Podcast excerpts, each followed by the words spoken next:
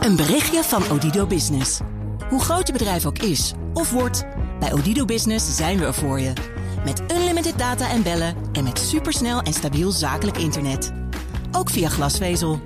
Ontdek wat er allemaal kan op odido.nl/slash business. Het kan ook zo.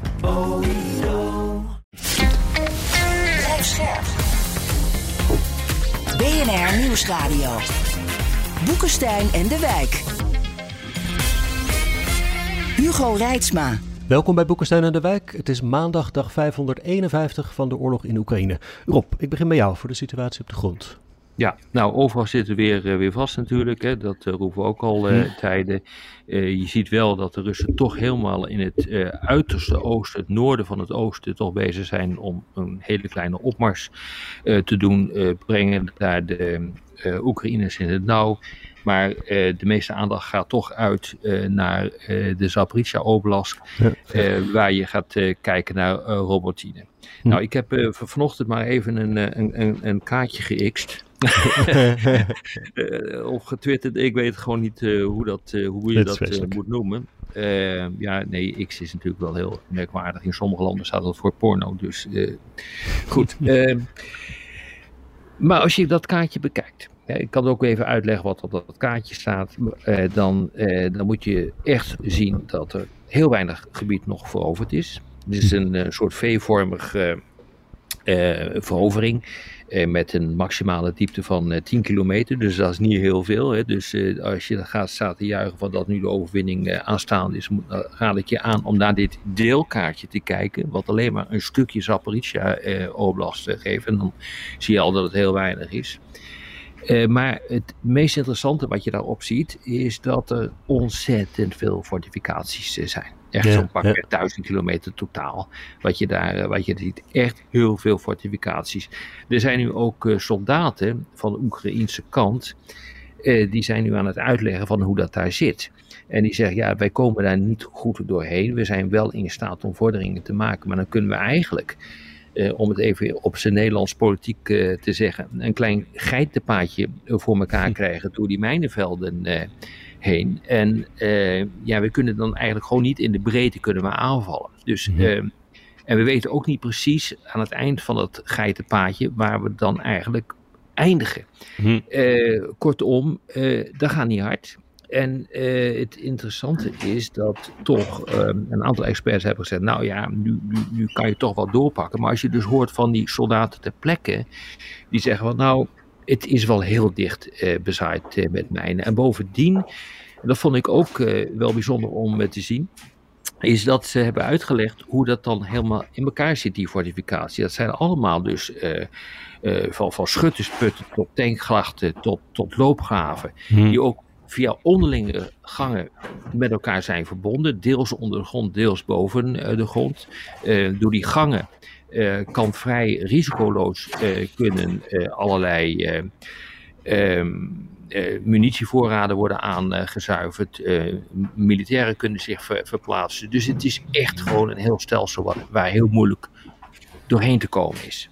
Ja, ik las een uitgebreide X, dra draad X, draad X van um, Mike Martin. Dat is een uh, Britse parlementariër ja. en oud-militair, eerder verbonden aan het Institute for the Study of War. En die zei van ja, de, de tijd begint wel te dringen voor, voor Oekraïne om ergens te komen. Maar het goede zou kunnen zijn dat ze mm. niet alle. Ze, hij zei, wat Oekraïne eigenlijk moet bereiken, is de Russen wegkrijgen uit het gebied ten westen van Melitopol, tussen Melitopol en de rivier. En, ja. en de Krim, zeg maar, dat stuk. Ja. En dat zegt hij van ja, dan moet je dus eigenlijk de, de Krimbruggen moet je raken. Maar dat lukt ze al om die te raken.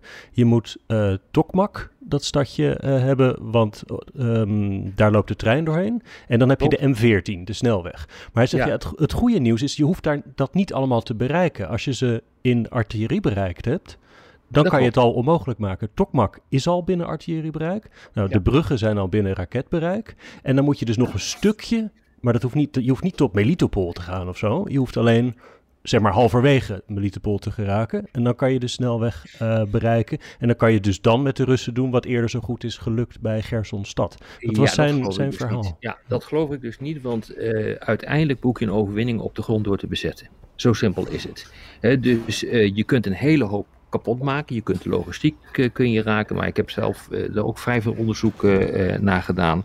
En een cruciale factor is echt dat je het bezit, bezit onder controle krijgt. En als je dat niet voor elkaar krijgt met een gebied, dan heb je toch wel een probleem. Want dan kunnen die Russen altijd weer proberen omheen te gaan. Ja. dus ja, ik ga helemaal mee met, met de analyse. Maar uh, ook hier weer niet te hoog gespannen, gespannen verwachting, want uiteindelijk moet je gewoon het gebied onder controle krijgen. Wil je echt ervoor zorgen dat ook de logistiek helemaal stil komt uh, te vallen. En dan moet je er echt doorheen. Ja. Dus het is heel erg vervelend uh, voor de Russen dat, dat die, die bruggen allemaal worden kapot gemaakt. dat Tokmak onder vuur kan komen te liggen.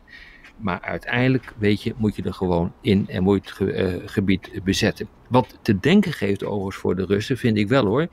Uh, dat uh, is dat ze nu bezig zijn met laterale troepenbewegingen. Dus ja. halen nu uit de Luhansk Oblast, Kremina, halen ze troepen weg. Dus ze worden daar zwakker. Ja. Exact. En uit de Kerzan Oblast halen ze die ook weg. Dat ligt veel meer naar het westen zijn ze ook aan het doen. En de reden daarvan is dat ze kennelijk dus toch gewoon heel erg onder druk staan mm-hmm. ten, zuiden, ten zuiden van uh, Robotine. Uh, dus ja. er is wel degelijk wat aan de hand. Ja, dit heb ik ook gelezen. Het is heel belangrijk. Hè? De Russische militairen halen mensen uit het oosten weg. En die gaan dus naar Robotine toe. Ze zijn overigens heel vermoeid. En het gaat ook niet over heel veel troepen. En het tweede wat ik een beetje positief vind, is dat ze, had, ze zouden dus een grote uh, oefening doen, hè? Sapat West in dus, september dit ja, jaar. Ja. Dat is een terugkerende die, oefening, toch? Sapat, ja, om de zoveel jaar. Ja. En die hebben ze dus gewoon afgeblazen, heel zachtjes, omdat ze gewoon te weinig troepen hebben en te weinig equipment om het te doen. Mm-hmm. Je ziet ook dat de Russen dus hun grenzen bereiken. Ja, en die mailbloggers die gaan ook door met hun, uh, met hun kritiek. Hè? Dus um, uh, die zeggen ook van, vooral die ultranationalistische mailbloggers, die hebben gewoon kritiek op, uh, laten we zeggen, het ministerie van Defensie of het Kremlin, al nagelang hun pet staan. En die zeggen ook, ja, dit, doen jullie niet goed en dat moet allemaal anders. Dus, um, nee, kijk, ja, ik vind het lastig hè, te, te, duiden. Um, we doen niet echt aan wensdenken, we kijken gewoon hoe de, hoe de vlag erbij staat en dat vertellen we. En proberen daar dus ook een conclusie uit te, te trekken ik zie op dit ogenblik niet echt een serieuze analyse die zegt, uh, die, die, die, die zegt van nou ze staan nu echt op het punt tot doorbreken. Dat, dat is nog niet zo. En dat kan over twee weken misschien wel heel anders zijn. Hm. Ja. ja. Alexander, jij houdt altijd uh, in de gaten wat er in de lucht gebeurt de laatste tijd voor ons. Hè? Ja, ik ben van de firma, ik ben van het departement raketten. um, even kijken. Russen hebben twee drones onderschept op de Krim. Dat is niet helemaal onbelangrijk, want op de Krim zijn allemaal dingen gebeurd. Uh, vorige week, weet je nog, met de ja, Special ja. Forces en zo. Dus daar, daar, horen we veel over. Um, of het waar is, weet ik niet, maar dat zeggen de Russen zelf. Verder zijn er twee, uh, uh, één raketaanval geweest uh, drie doden in het, in het centrale Poltova-regio. Vier Kalibier kruisraketten en twee, twee KH-59 Guided missiles van, vanuit het vliegtuig. Vier van die zes zijn onderschept. En die zijn op een olieraffinaderij uh, zijn ze neergekomen. En vanmorgen zijn er nog allemaal granaten door de lucht gegaan. En in Gerson, in het dorpje Sadov, is er één dode te betreuren. Dat is wat er gebeurd ja. is in de lucht. Ja, ik zag ook nog ergens uh, weer een drone in de buurt van Moskou uh, onderschept.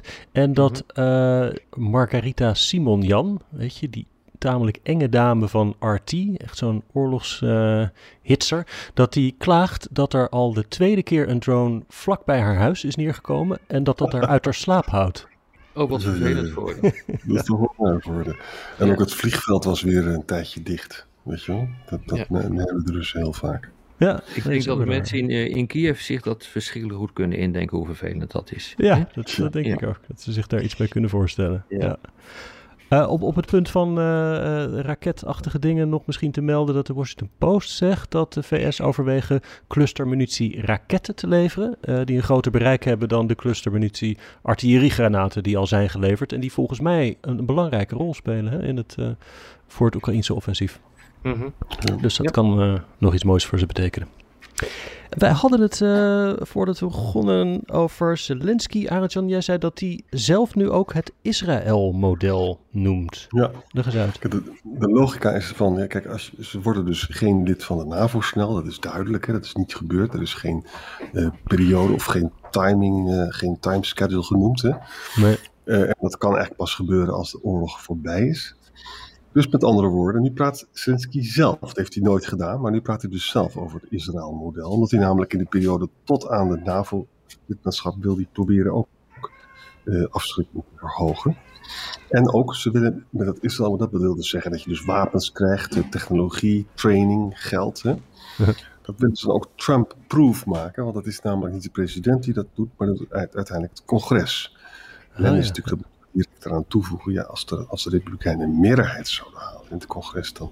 En ze worden echt uh, in meerderheid tegen die oorlog, wat ik nog niet gelijk zie gebeuren. Maar als dat zo is, Mm. dan is het natuurlijk helemaal niet Trump-proof. Hoe kan je nou iets Trump-proof maken in, uh, in uh, Amerika als iets niet geratificeerd is? Je moet iets ratificeren door het congres. Wil het, uh, wil het Trump-proof zijn of proef zijn uh, voor welke president uh, dan ook? Hè? Dat is het probleem. Dat is ook het probleem geweest met wapenbeheersingsakkoorden van de afgelopen decennia. Die werden in een aantal gevallen gewoon niet. Dat gold ook voor die Iran-deals, voor dat nucleaire programma van dat land. Ja, werden niet geratificeerd omdat er geen overeenstemming kon bereiken in het, in het uh, congres. Ja, Hm. En dan, ja, dan is zo'n. Ja, dan, dan is het gewoon een vodje papier hoor, als er een nieuwe president komt. Absoluut, absoluut. Maar, we- maar weet je, kijk, het, het is toch wel. eh, ik ben blij dat je erover begint, want ik eh, zit ook in, eh, in. Nou, jullie, dat weten jullie, in een paar groepen waar ook driftig over dit soort zaken wordt eh, gediscussieerd en Mhm. gespeculeerd. Ja, de ene groep die zegt van ja, we moeten zo, lang, zo snel mogelijk moeten we eh, die. Eh, Oekraïne bij de Europese Unie, maar vooral bij de NAVO halen, want dat biedt eh, veiligheidsgaranties. Dat is ook zo. Hm. Maar de anderen die zeggen van ja, dan moet je wel even duidelijk maken onder welke omstandigheden dat kan. Dat is natuurlijk, eh, in, Hm. in ons vakgebied is dat altijd gewoon een groot probleem. Dat je dus de, de, de, degene hebt die zegt van oké, het moet gebeuren, wensen. En degene die zich afvragen, maar oké, maar hoe dan? Het, de hoe dan vragen, ik weet niet hoe jullie erover denken, maar ik vind hem lastig te beantwoorden. En dat is dan dus hoe zonder direct in oorlog met Rusland te komen. Ja. Toch? Ja, want nou ja, kijk, eh, eh, het enige wat ik kan bedenken is dat je dit zou moeten doen op het moment dat er een staakt vuren is. Dan moet je dus eigenlijk gewoon direct de stap naar voren eh, nemen. Dan moet je dat land onmiddellijk eh, lid maken van de NAVO. Maar dat kan niet. Dat is onmogelijk. Daar heb je dus alle NAVO-leden voor nodig die daar eh, een pas over moeten doen. Dat moet door alle parlementen worden geratificeerd. Dus het is niet zo dat je zegt van nou dat is eh, op een achternamiddag geregeld. Terwijl dat eigenlijk wel zou moeten. Ja. En dat kan dus gewoon niet. Want je moet dus eh, in theorie moet je dan gebruik maken van de zwakte van, eh, van Rusland. En dan zou je dus dat er doorheen kunnen jassen. Nou, ik zie dat dus niet gebeuren. En als, als dat niet kan, dan is het wel heel lastig om een, een idee te krijgen over de omstandigheden waarin dat wel kan. Dan moet er een Hmm. staakt het vuren zijn. Maar ja, onderdeel van een staakt het vuren zijn altijd overleggen.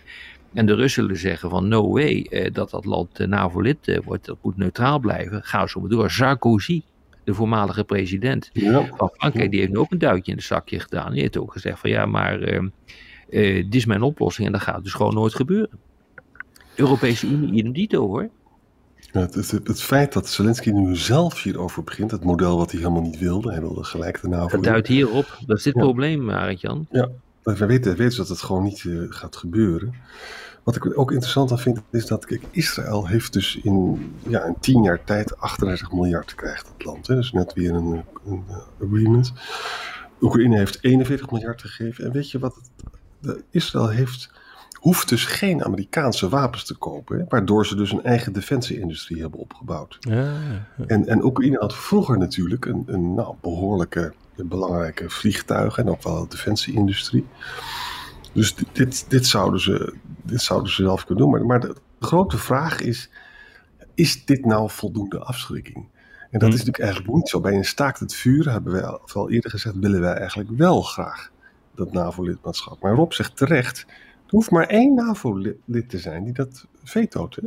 Bijvoorbeeld die gekke Orbán zou dat Ja. zomaar kunnen doen. Ja. Ja. en je moet het onmiddellijk doen. Dus je hebt de staakt het vuren. En een staakt het vuur komt tot stand omdat beide partijen denken van nou even niet meer.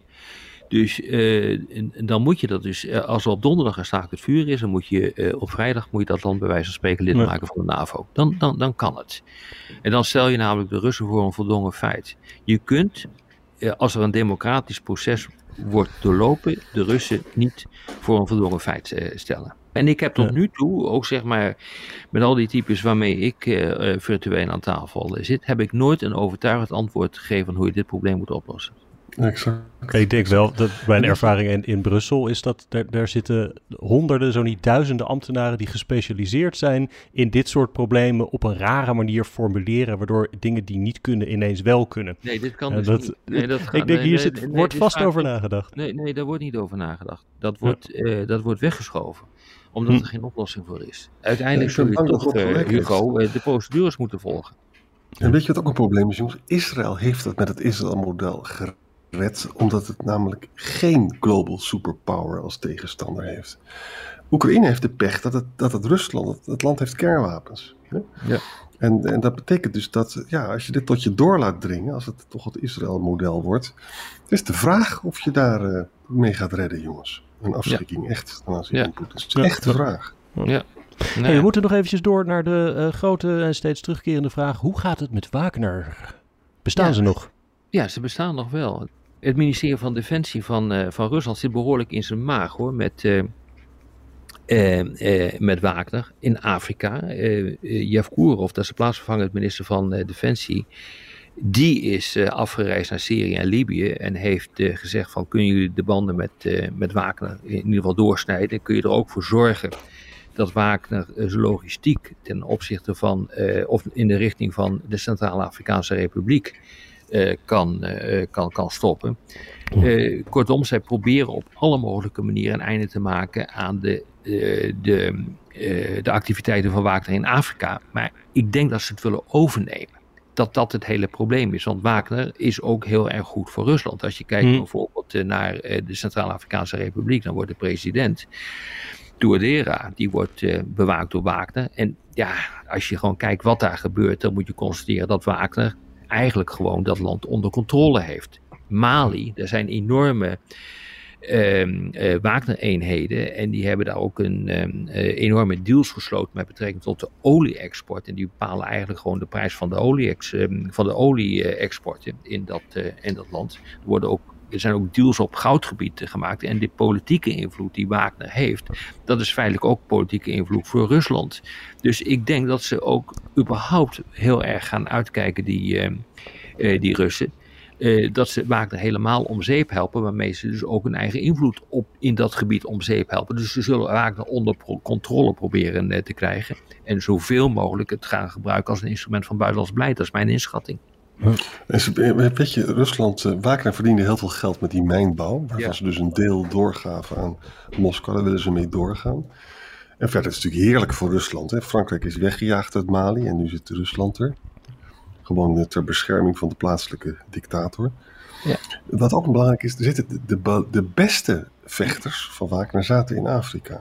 Hmm. En daar zit, natuurlijk, daar zit een loyaliteitsprobleem natuurlijk. Hoor. Sommige daarvan zijn denk ik heel loyaal aan Prigozhin. Hè?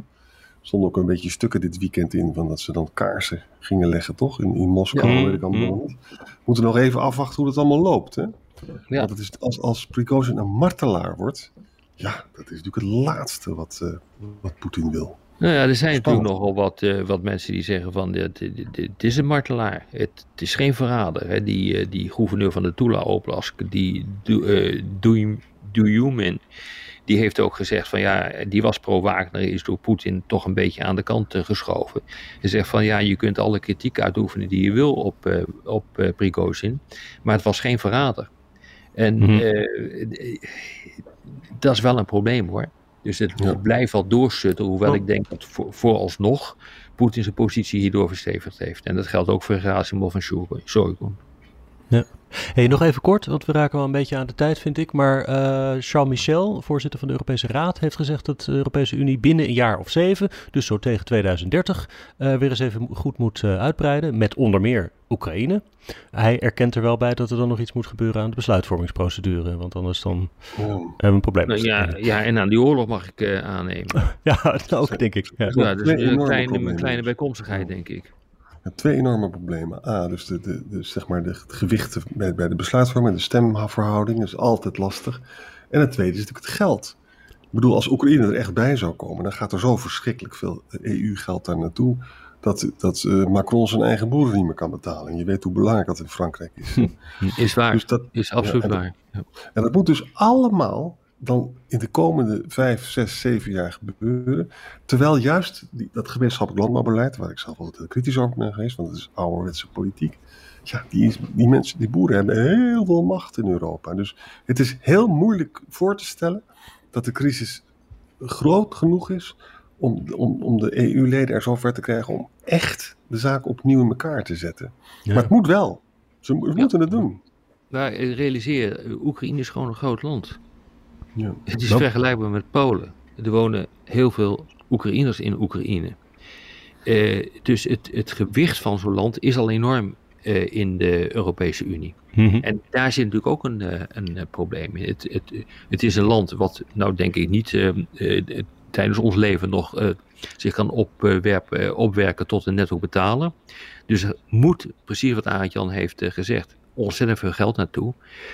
Ja, hoe je, dat, hoe je dat gaat regelen. Het ene moet wel ten koste gaan van het andere. En waar het dan ten koste van gaat, nou ja, mogelijkerwijs landbouw. Maar landbouw is al enorm ingekort, hè? De afgelopen, ja. uh, de afgelopen decennia. Ja. Ja. Het is bijna niet voor te stellen hè, dat dat lukt, Oekraïne bij de EU. Wat dat allemaal zou moeten betekenen. Nou, het is een politiek besluit. En uh, normaal gesproken zou je zo'n besluit ook kunnen nemen op grond van hele rationele economische overwegingen. Je vinkt het, uh, de, het lijstje van de Kopenhagen-criteria af. En dan kijk je uh, of zo'n land eraan voldoet. Nou, Oekraïne voldoet daar nou niet echt aan, aan die Kopenhagen-criteria, kan ik je nu al melden. Hmm. Uh, maar als het dan toch lid wordt, dan is het gewoon een politiek besluit. En dat is hmm. een feitelijk ook iets om de machtsverhoudingen definitief te veranderen in Europa. Dat is feitelijk wat er aan de hand is. Dus je, moet, je gaat besluiten nemen. Dat geldt ook voor de westelijke Balkan. Hmm. Landen als Servië. Het zijn allemaal landen waarvan je zegt, nou ja, mogen die even uh, er niet bij. Maar de, er zijn dus nu uh, geopolitieke redenen om te zeggen van, nou ja, toch maar wel. Ja. En dus je moet die nadelen, want dat levert ook enorme aan, nadelen op voor de Europese Unie. Als je dat soort landen erbij haalt. Je importeert corruptie, maar je importeert ook landen ja, met, ook met, een, met, een, met een, die een stempel kunnen uh, leggen op, op de discussies die je niet wil. Maar goed, ehm, in verband met de Russische, het Russische probleem wat we, uh, wat we op dit ogenblik hebben, zie je dus gewoon dat er waarschijnlijk politiek een drive begint te ontstaan om het dan toch maar te doen. Ja, ja. Want anders wordt het Chinese en Russische invloedssfeer. Dat is exact. het verhaal.